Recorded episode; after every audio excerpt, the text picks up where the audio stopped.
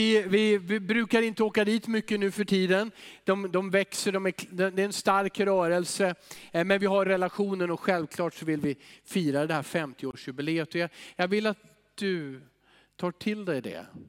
1973, jag var tre år gammal så jag stannade hemma. Eh, men, men Miriam och hennes man de åkte dit. Förstår du? För att, att vinna någon människa för Jesus, för att eh, ge människor Guds kärlek. Nu är det tiotusentals människor i, i hundratals församlingar. På 40-talet det var betydligt svårare, eller hur? Det var krigsår i hela Europa och även i Nordafrika. Att där lämna tryggheten i Sverige och du tänker vi var inte så rika, när vi var inte så rika då. Men att lämna det och åka till Rwanda och till andra länder och idag som vår broder berättade, det finns över 3000 församlingar. I ett land på ungefär 10 miljoner människor är det 3, 3 miljoner som kommer till pingstkyrkorna för att tillbe och prisa Herren. Det här är ett mirakel i vår tid. Så när han säger församlingen har inte slutat att växa, då är det sant. Det här är Guds rike och som han citerade, dödsrikets portar kan inte hindra Guds rike. Det vill säga ingenting, vad du än kan föreställa dig, är det så illa som döden själv och all dess makt, och vi ska ju alla dö så vi känner till dödens makt. Men till och med den kan inte stoppa evangeliet från att bli predikat och gå vidare från människa till människa. Det är så fantastiskt vad Gud gör. Hörrni, vi jag uttrycker mig lite saloppt, det var ett gammalt ord. Men, men eh, det, jag kallar den här predikan, eller det jag vill säga nu, en inbjudan till världens fest. Ja, nu tänker de som läser Bibeln, oh världen är inte bra. Det stämmer, världen är inte bra. Det står emot Guds rike. Men du förstår, världen ser också liksom den största. Och det är det det handlar om. Det, här, det finns en inbjudan till världens fest. En riktig total fest. Jag vill bara läsa från Uppenbarelseboken kapitel 19. Eh, och då har jag gett några verser där från vers, eh, eh från vers 7 och framåt. Jag kommer att läsa lite tidigare. Det står så här i vers 5. Från tronen kom en röst. Det är alltså Guds röst. Och vi talar om himlen här. Han prisar vår Gud, alla hans tjänare, ni som vördar honom, både små och stora. Och jag hörde liksom rösten från en stor skara, som bruset av väldiga vatten och dånet av kraftig åska. Och de sa, halleluja, Herren vår Gud, den allsmäktige är nu kung. Låt oss glädjas och jubla och ge honom äran. För lammets bröllop och lammet i Jesus, lammets bröllop har kommit och hans brud, det är församlingen, har gjort sig redo. Skinande rent linne har hon fått klä sig i. Linnet är de heligas rättfärdighet. Bruden är församlingen, brudgummen är Jesus Kristus, kungars kung och herrars herre. Man skulle kunna jubla där.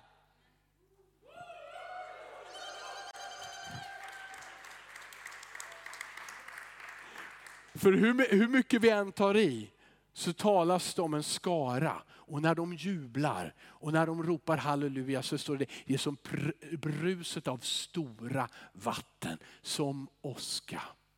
Det här är en bröllopsfest som alla människor är inbjudna till. Amen. Linnet står det, de var klädda i linne, det är det heligas rättfärdighet. Vad är det? Vilka är de heliga? Vilka är de heliga?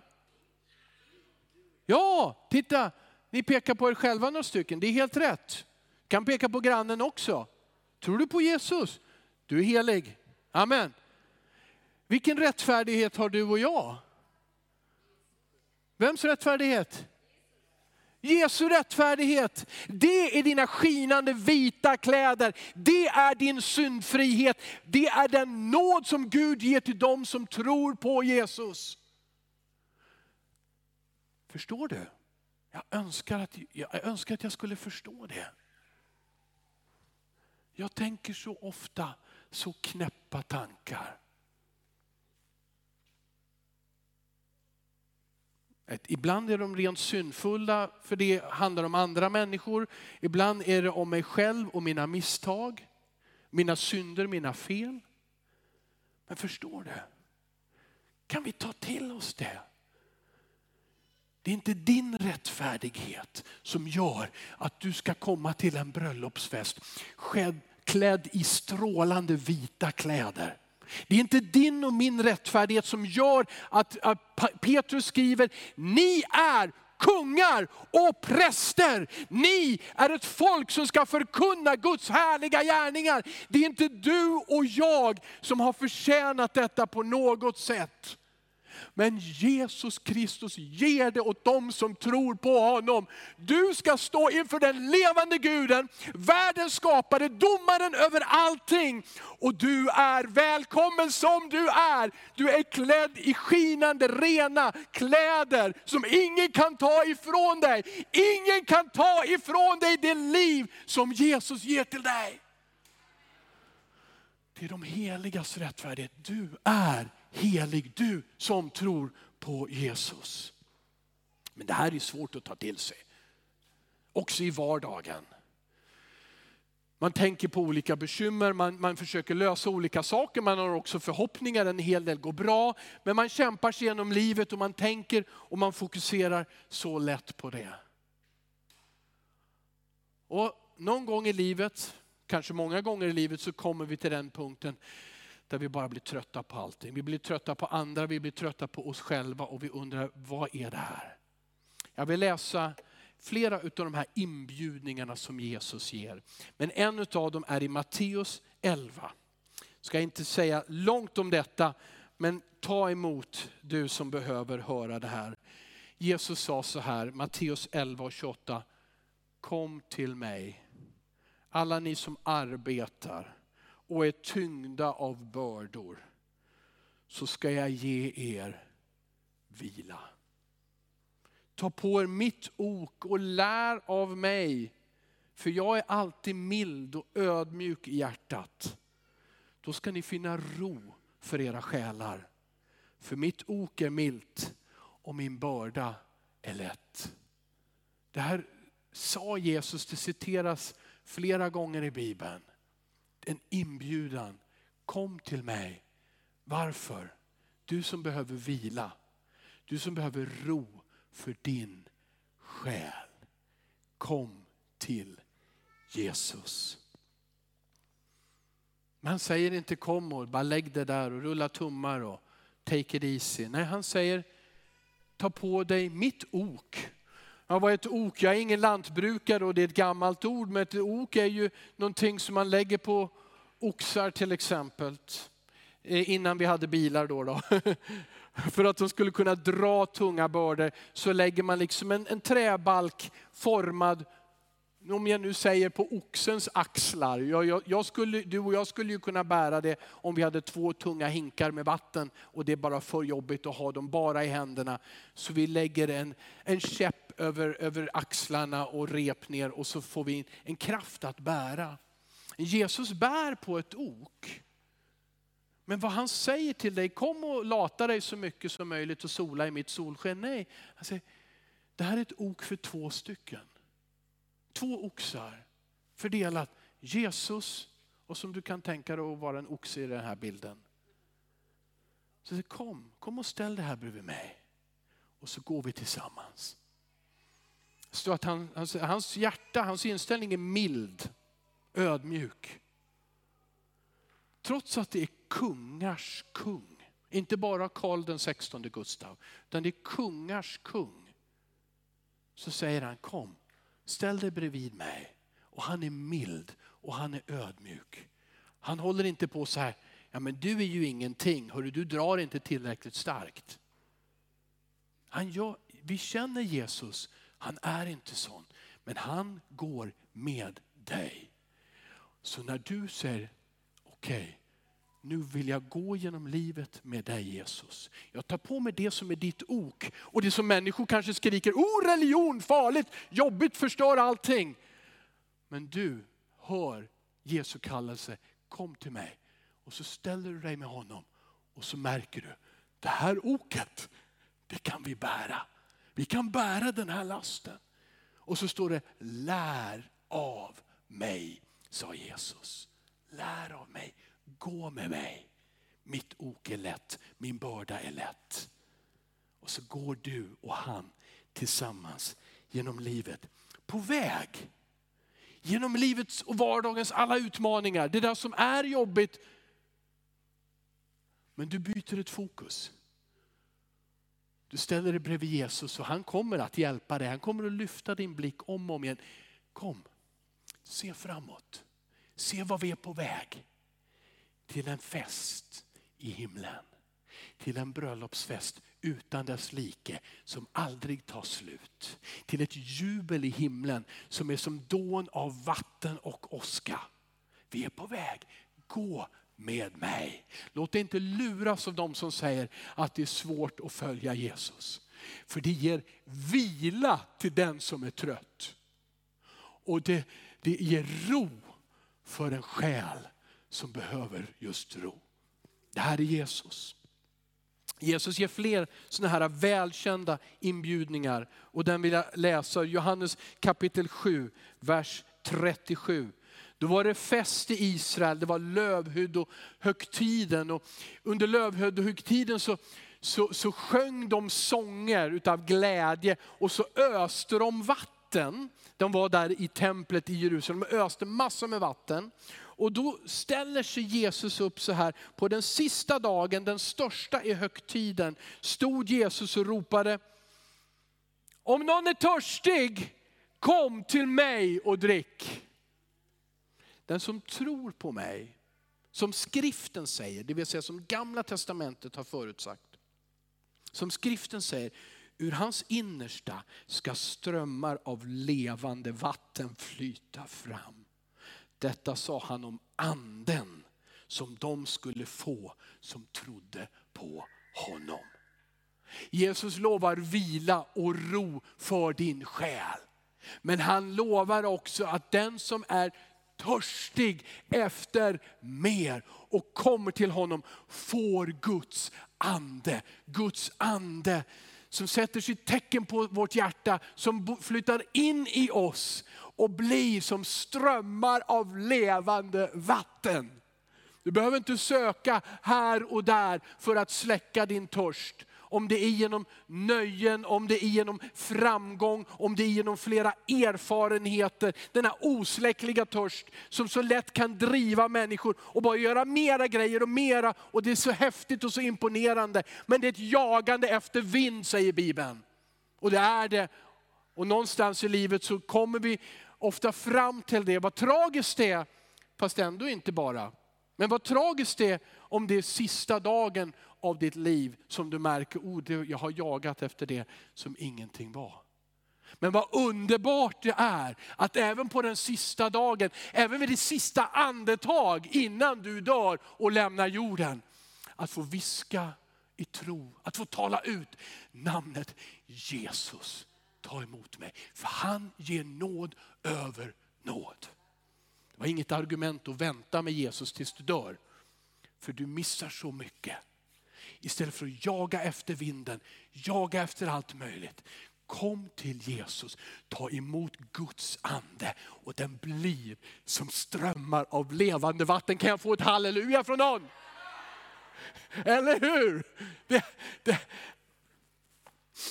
Jesus säger en sak till. Det finns en till kallelse som Jesus uttalar. Markus 1 och 17, mycket välkänd, mycket kort. Jesus sa, kom och följ mig så ska jag göra er till människofiskare. Ja. Han ger ett uppdrag. Han säger, kom, var med mig, ta emot mig. Och sen ska du få ge mig vidare, min välsignelse till andra människor. Att vara kristen är inte att, det är inte att sitta i en kyrkbänk. Det är inte att komma någon gång då och då. Att vara kristen är att få gå in i ett medarbete med den högste, med kungars kung och herrars herre. Han ger dig vila. Han ger din själ ro. Sen ger han dig sin ande så att du har ett levande vatten som flödar fram, som kan förnyas dag från dag. Inte utifrån men inifrån. Gud bor i dig. Och så säger han, Låt den här kraften, låt det här flödet, låt den här friden bli kanaliserad i att du tjänar mig. Bli en människofiskare. Bli en som talar, inte fångar människor för eget syfte, utan som för människor till Jesus. Som lever ett liv där människor får upptäcka Jesus i dig, genom dig, genom dina ord, genom ditt liv, genom att han bor i dig. Då står det så här, nu går jag till Uppenbarelseboken igen. För att alla de här tre bibelställningarna jag har läst så står det kom till mig, säger Jesus. Kom till mig.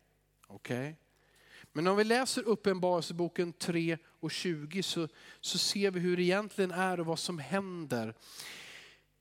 Jesus säger så här, se jag står vid dörren och knackar. Om någon hör min röst och öppnar dörren ska jag gå in till honom och hålla måltid med honom och han med mig. Det är inte vi som först och främst är sökare, utan det är Jesus som har kommit för att söka och finna det som var förlorat. Det är Jesus som knackar på ditt hjärtas dörr. Det är han som kommer till dig. Det är han som knackar. Talar på olika sätt. Kanske förnimmer vi på något sätt en röst. Ofta kan det vara samvetets kamp fram och tillbaka. Längtan, törsten som vi läst om, tröttheten som vi kan drabbas av genom livet och alla bördor och försök. Det är Jesu röst. Det är han som bultar på ditt hjärtas dörr om du öppnar så kommer han in. Och då vill han ha gemenskap. Och den bibliska gemenskapen är alltid måltid. Det har naturligtvis med den kultur att göra sedan tusentals år. Jag kommer hem till dig, du kommer hem till mig. Vi äter tillsammans, vi delar det som finns om det är mycket eller om det är lite. Men låt mig bjuda dig, låt mig ge dig. Jesus vill ha den intimaste av gemenskap och relation med dig. Är som en fest. Att få ha måltid, att få tala, att få lyssna, att få gå genom livet med Jesus Kristus. Jag vill bara säga så här att den här boken som kallas Bibeln, det vill jag med lätthet hävda, det finns ingen bok, den är ju 2000 år gammal, den yngsta delen, och 3500 år gammal, den äldsta delen. Okej? Okay? Inte skriven av en enda människa utan av 40 stycken som har bidragit i 66 små delar. Men när vi kommer till nya testamentet, men även gamla testamentet, det finns inga böcker överhuvudtaget från antiken, från romarriket, från, från persiska riket. Det finns ingenting i jämförelse som är så väl dokumenterat som Bibeln. Som berättar, bara den i sig själv består av olika människors berättelse om Gud. Och har du gamla testamentet så har du mycket löften eller profetier som vi säger om den frälsare, Messias som skulle komma. Och att läsa dem och börja känna igen, det är ju som om det talar om Jesus från Nasaret. Och så läsa berättelserna och hur de olika evangelisterna och författarna i Bibeln berättar. Det finns ingen bok som är så väl bevarad, även om det inte finns ett original från, från Jesus, eller ja, han skrev ingenting, men, men Petrus och Johannes. De kopior som finns från bara några årtionden efter att Jesus dog. Det finns i tusental. Det här går att lita på. Och här har du inbjudan till dig som är trött till dig som är tyngd eller förvirrad. Till dig som har en, en, en törst, en längtan efter liv, efter det äkta, efter det sanna. Till dig som längtar efter att det här livet är inte allt, utan jag vill veta vad är det som väntar framför. Det finns genom Jesus Kristus, Guds son, som kom som en människa som var lika vanlig som du och jag och ändå Guds son. Som människor i vår ondska, i vår otro, i vårt sätt att reagera på det som är för bra, förkastade och korsfäste. Men det här var Guds plan för att besegra all synd som håller oss fångna. För att besegra döden och vi ska alla dö, men Jesus har övervunnit döden. Det är en inbjudan till livet. Den inbjudan från livets skapare själv till varje människa. Och det finns ingenstans, ingen jämförelsevis, ingen berättelse som den om Jesus Kristus. Till honom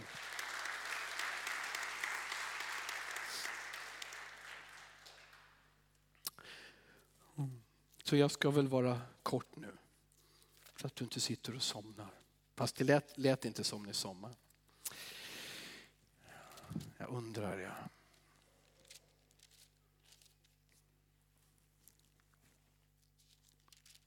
Jag bläddrar just upp Lukas kapitel 14. Jag läser en berättelse, det här blir nästan avslutningen. Jag läser en berättelse eh, från kapitel 14 och vers 15. Jesus var på en fest. Vi talar om en inbjudan till en fest i himlen, en inbjudan till världens fest. Nu var han på en fest och så står det så här i vers 15, en av gästerna hörde honom tala och då sa han, åh salig är den som får äta vid måltiden i Guds rike. Han hade fattat, wow, det här, det, alltså salig betyder lycklig i kvadrat. Eh, och den som får äta vid måltiden i Guds rike. Ja, då sa Jesus så här, och här kommer väldigt utmanande ord från Jesus. Och Jesus var en god människa, han var barmhärtig, men han sa också alltid sanningen. Och det finns en utmaning till dig och till mig. En man ordnade en stor festmåltid, sa Jesus, och bjöd många. När tiden för festen var inne sände han sin tjänare för att säga till de inbjudna, kom, nu är allt färdigt. Jag hör de här orden från Jesus igen, kom, kom, nu är allt färdigt, kom till mig. Vers 18, men alla började ursäkta sig. Den första sa till honom, jag har köpt en åker och måste gå ut och se den. Jag hoppas att du ursäktar. En annan sa, jag har köpt fem par oxar och ska ut och pröva dem. Jag hoppas att du ursäktar. Ännu en annan sa, jag har gift mig så därför kan jag inte komma. Han är bra på att berätta berättelser Jesus, eller hur? Det är inte så svårt att förstå det här. Tjänaren kom tillbaka och berättade detta för sin herre. Då blev husets herre vred. Det betyder arg om du inte vet vad vred är och sa till sin tjänare, gå genast ut på gator och gränder i staden och hämta hit fattiga, handikappade, blinda och lama. Och tjänaren sa, Herre vad du befallde är gjort och det finns fortfarande plats. Då sa Herren till sin tjänare, gå ut på vägar och stigar och se till att människor kommer in så att mitt hus blir fullt. Jag säger er, ingen av dem som var bjudna ska smaka min måltid. Och då menar han de som har fått inbjudan, som har hört den, men som ursäktar sig och säger, jag hinner inte, jag har inte tid, jag måste lösa det här först. Jag kommer till dig sen, Gud. Och då gör Gud så här.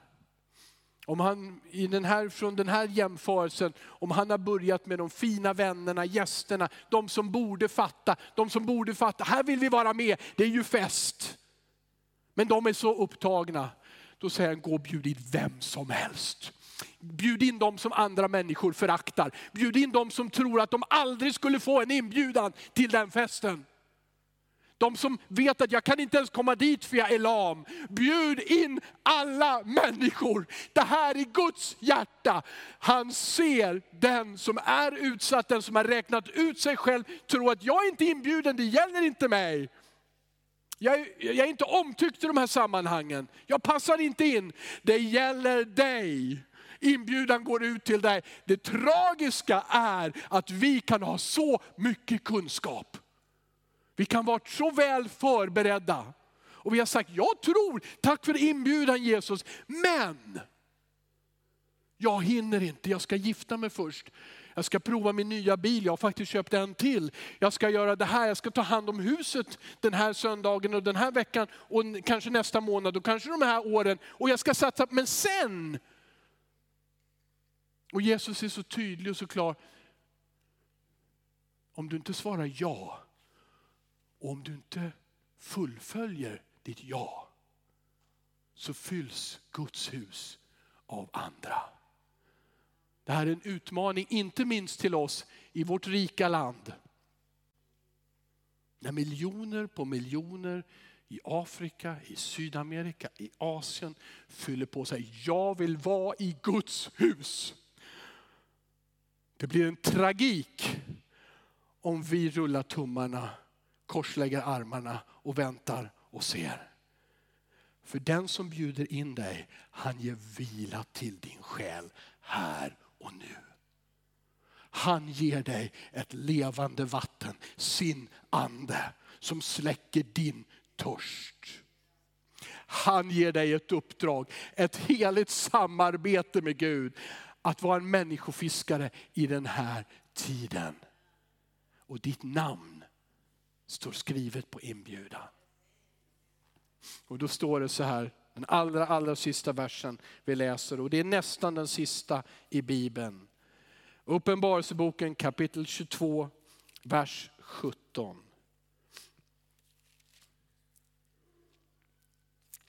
Anden och bruden säger, det vill säga Guds ande som Jesus ger. Och bruden, församlingen säger, kom! Och den som har det ska säga kom. Och den som törstar ska komma. Och den som vill ska fritt få ta emot livets vatten. Fritt få ta emot. Det kallas för nåd. Det är gratis för dig och mig. Det har kostat allt för honom som gav sitt liv på korset. Som lämnade härligheten, blev en människa, led, blev förkastad, mördad, avrättad. För din skull. För att vilka utmaningar du än möter, genom livet eller genom dina egna misstag och din synd. Han bär dig igenom. Han säger du ska vara mer än en segrare. Du ska leva och inte dö. Du som tar emot mig och som går med mig. Välkommen till Jesus. Amen. Vi vill stå upp tillsammans.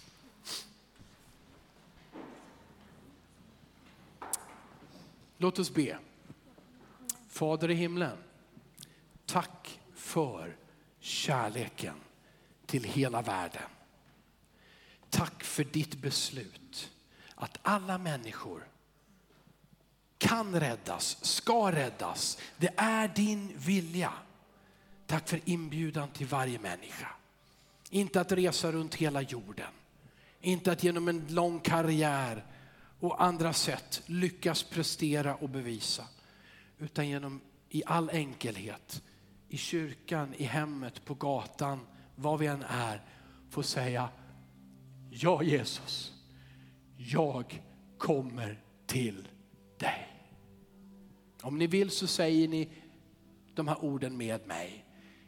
Jesus, jag kommer till dig. Jesus, jag kommer till dig. Tack Jesus för att du tar emot oss. Tack för att du gör oss rena. Tack för att du ger oss din rättfärdighet en gemenskap, en måltidsgemenskap, en djup gemenskap i våra hjärtan. Frid och liv, samarbete i ditt rike och en evig framtid. tack för din gåva. I Jesu namn.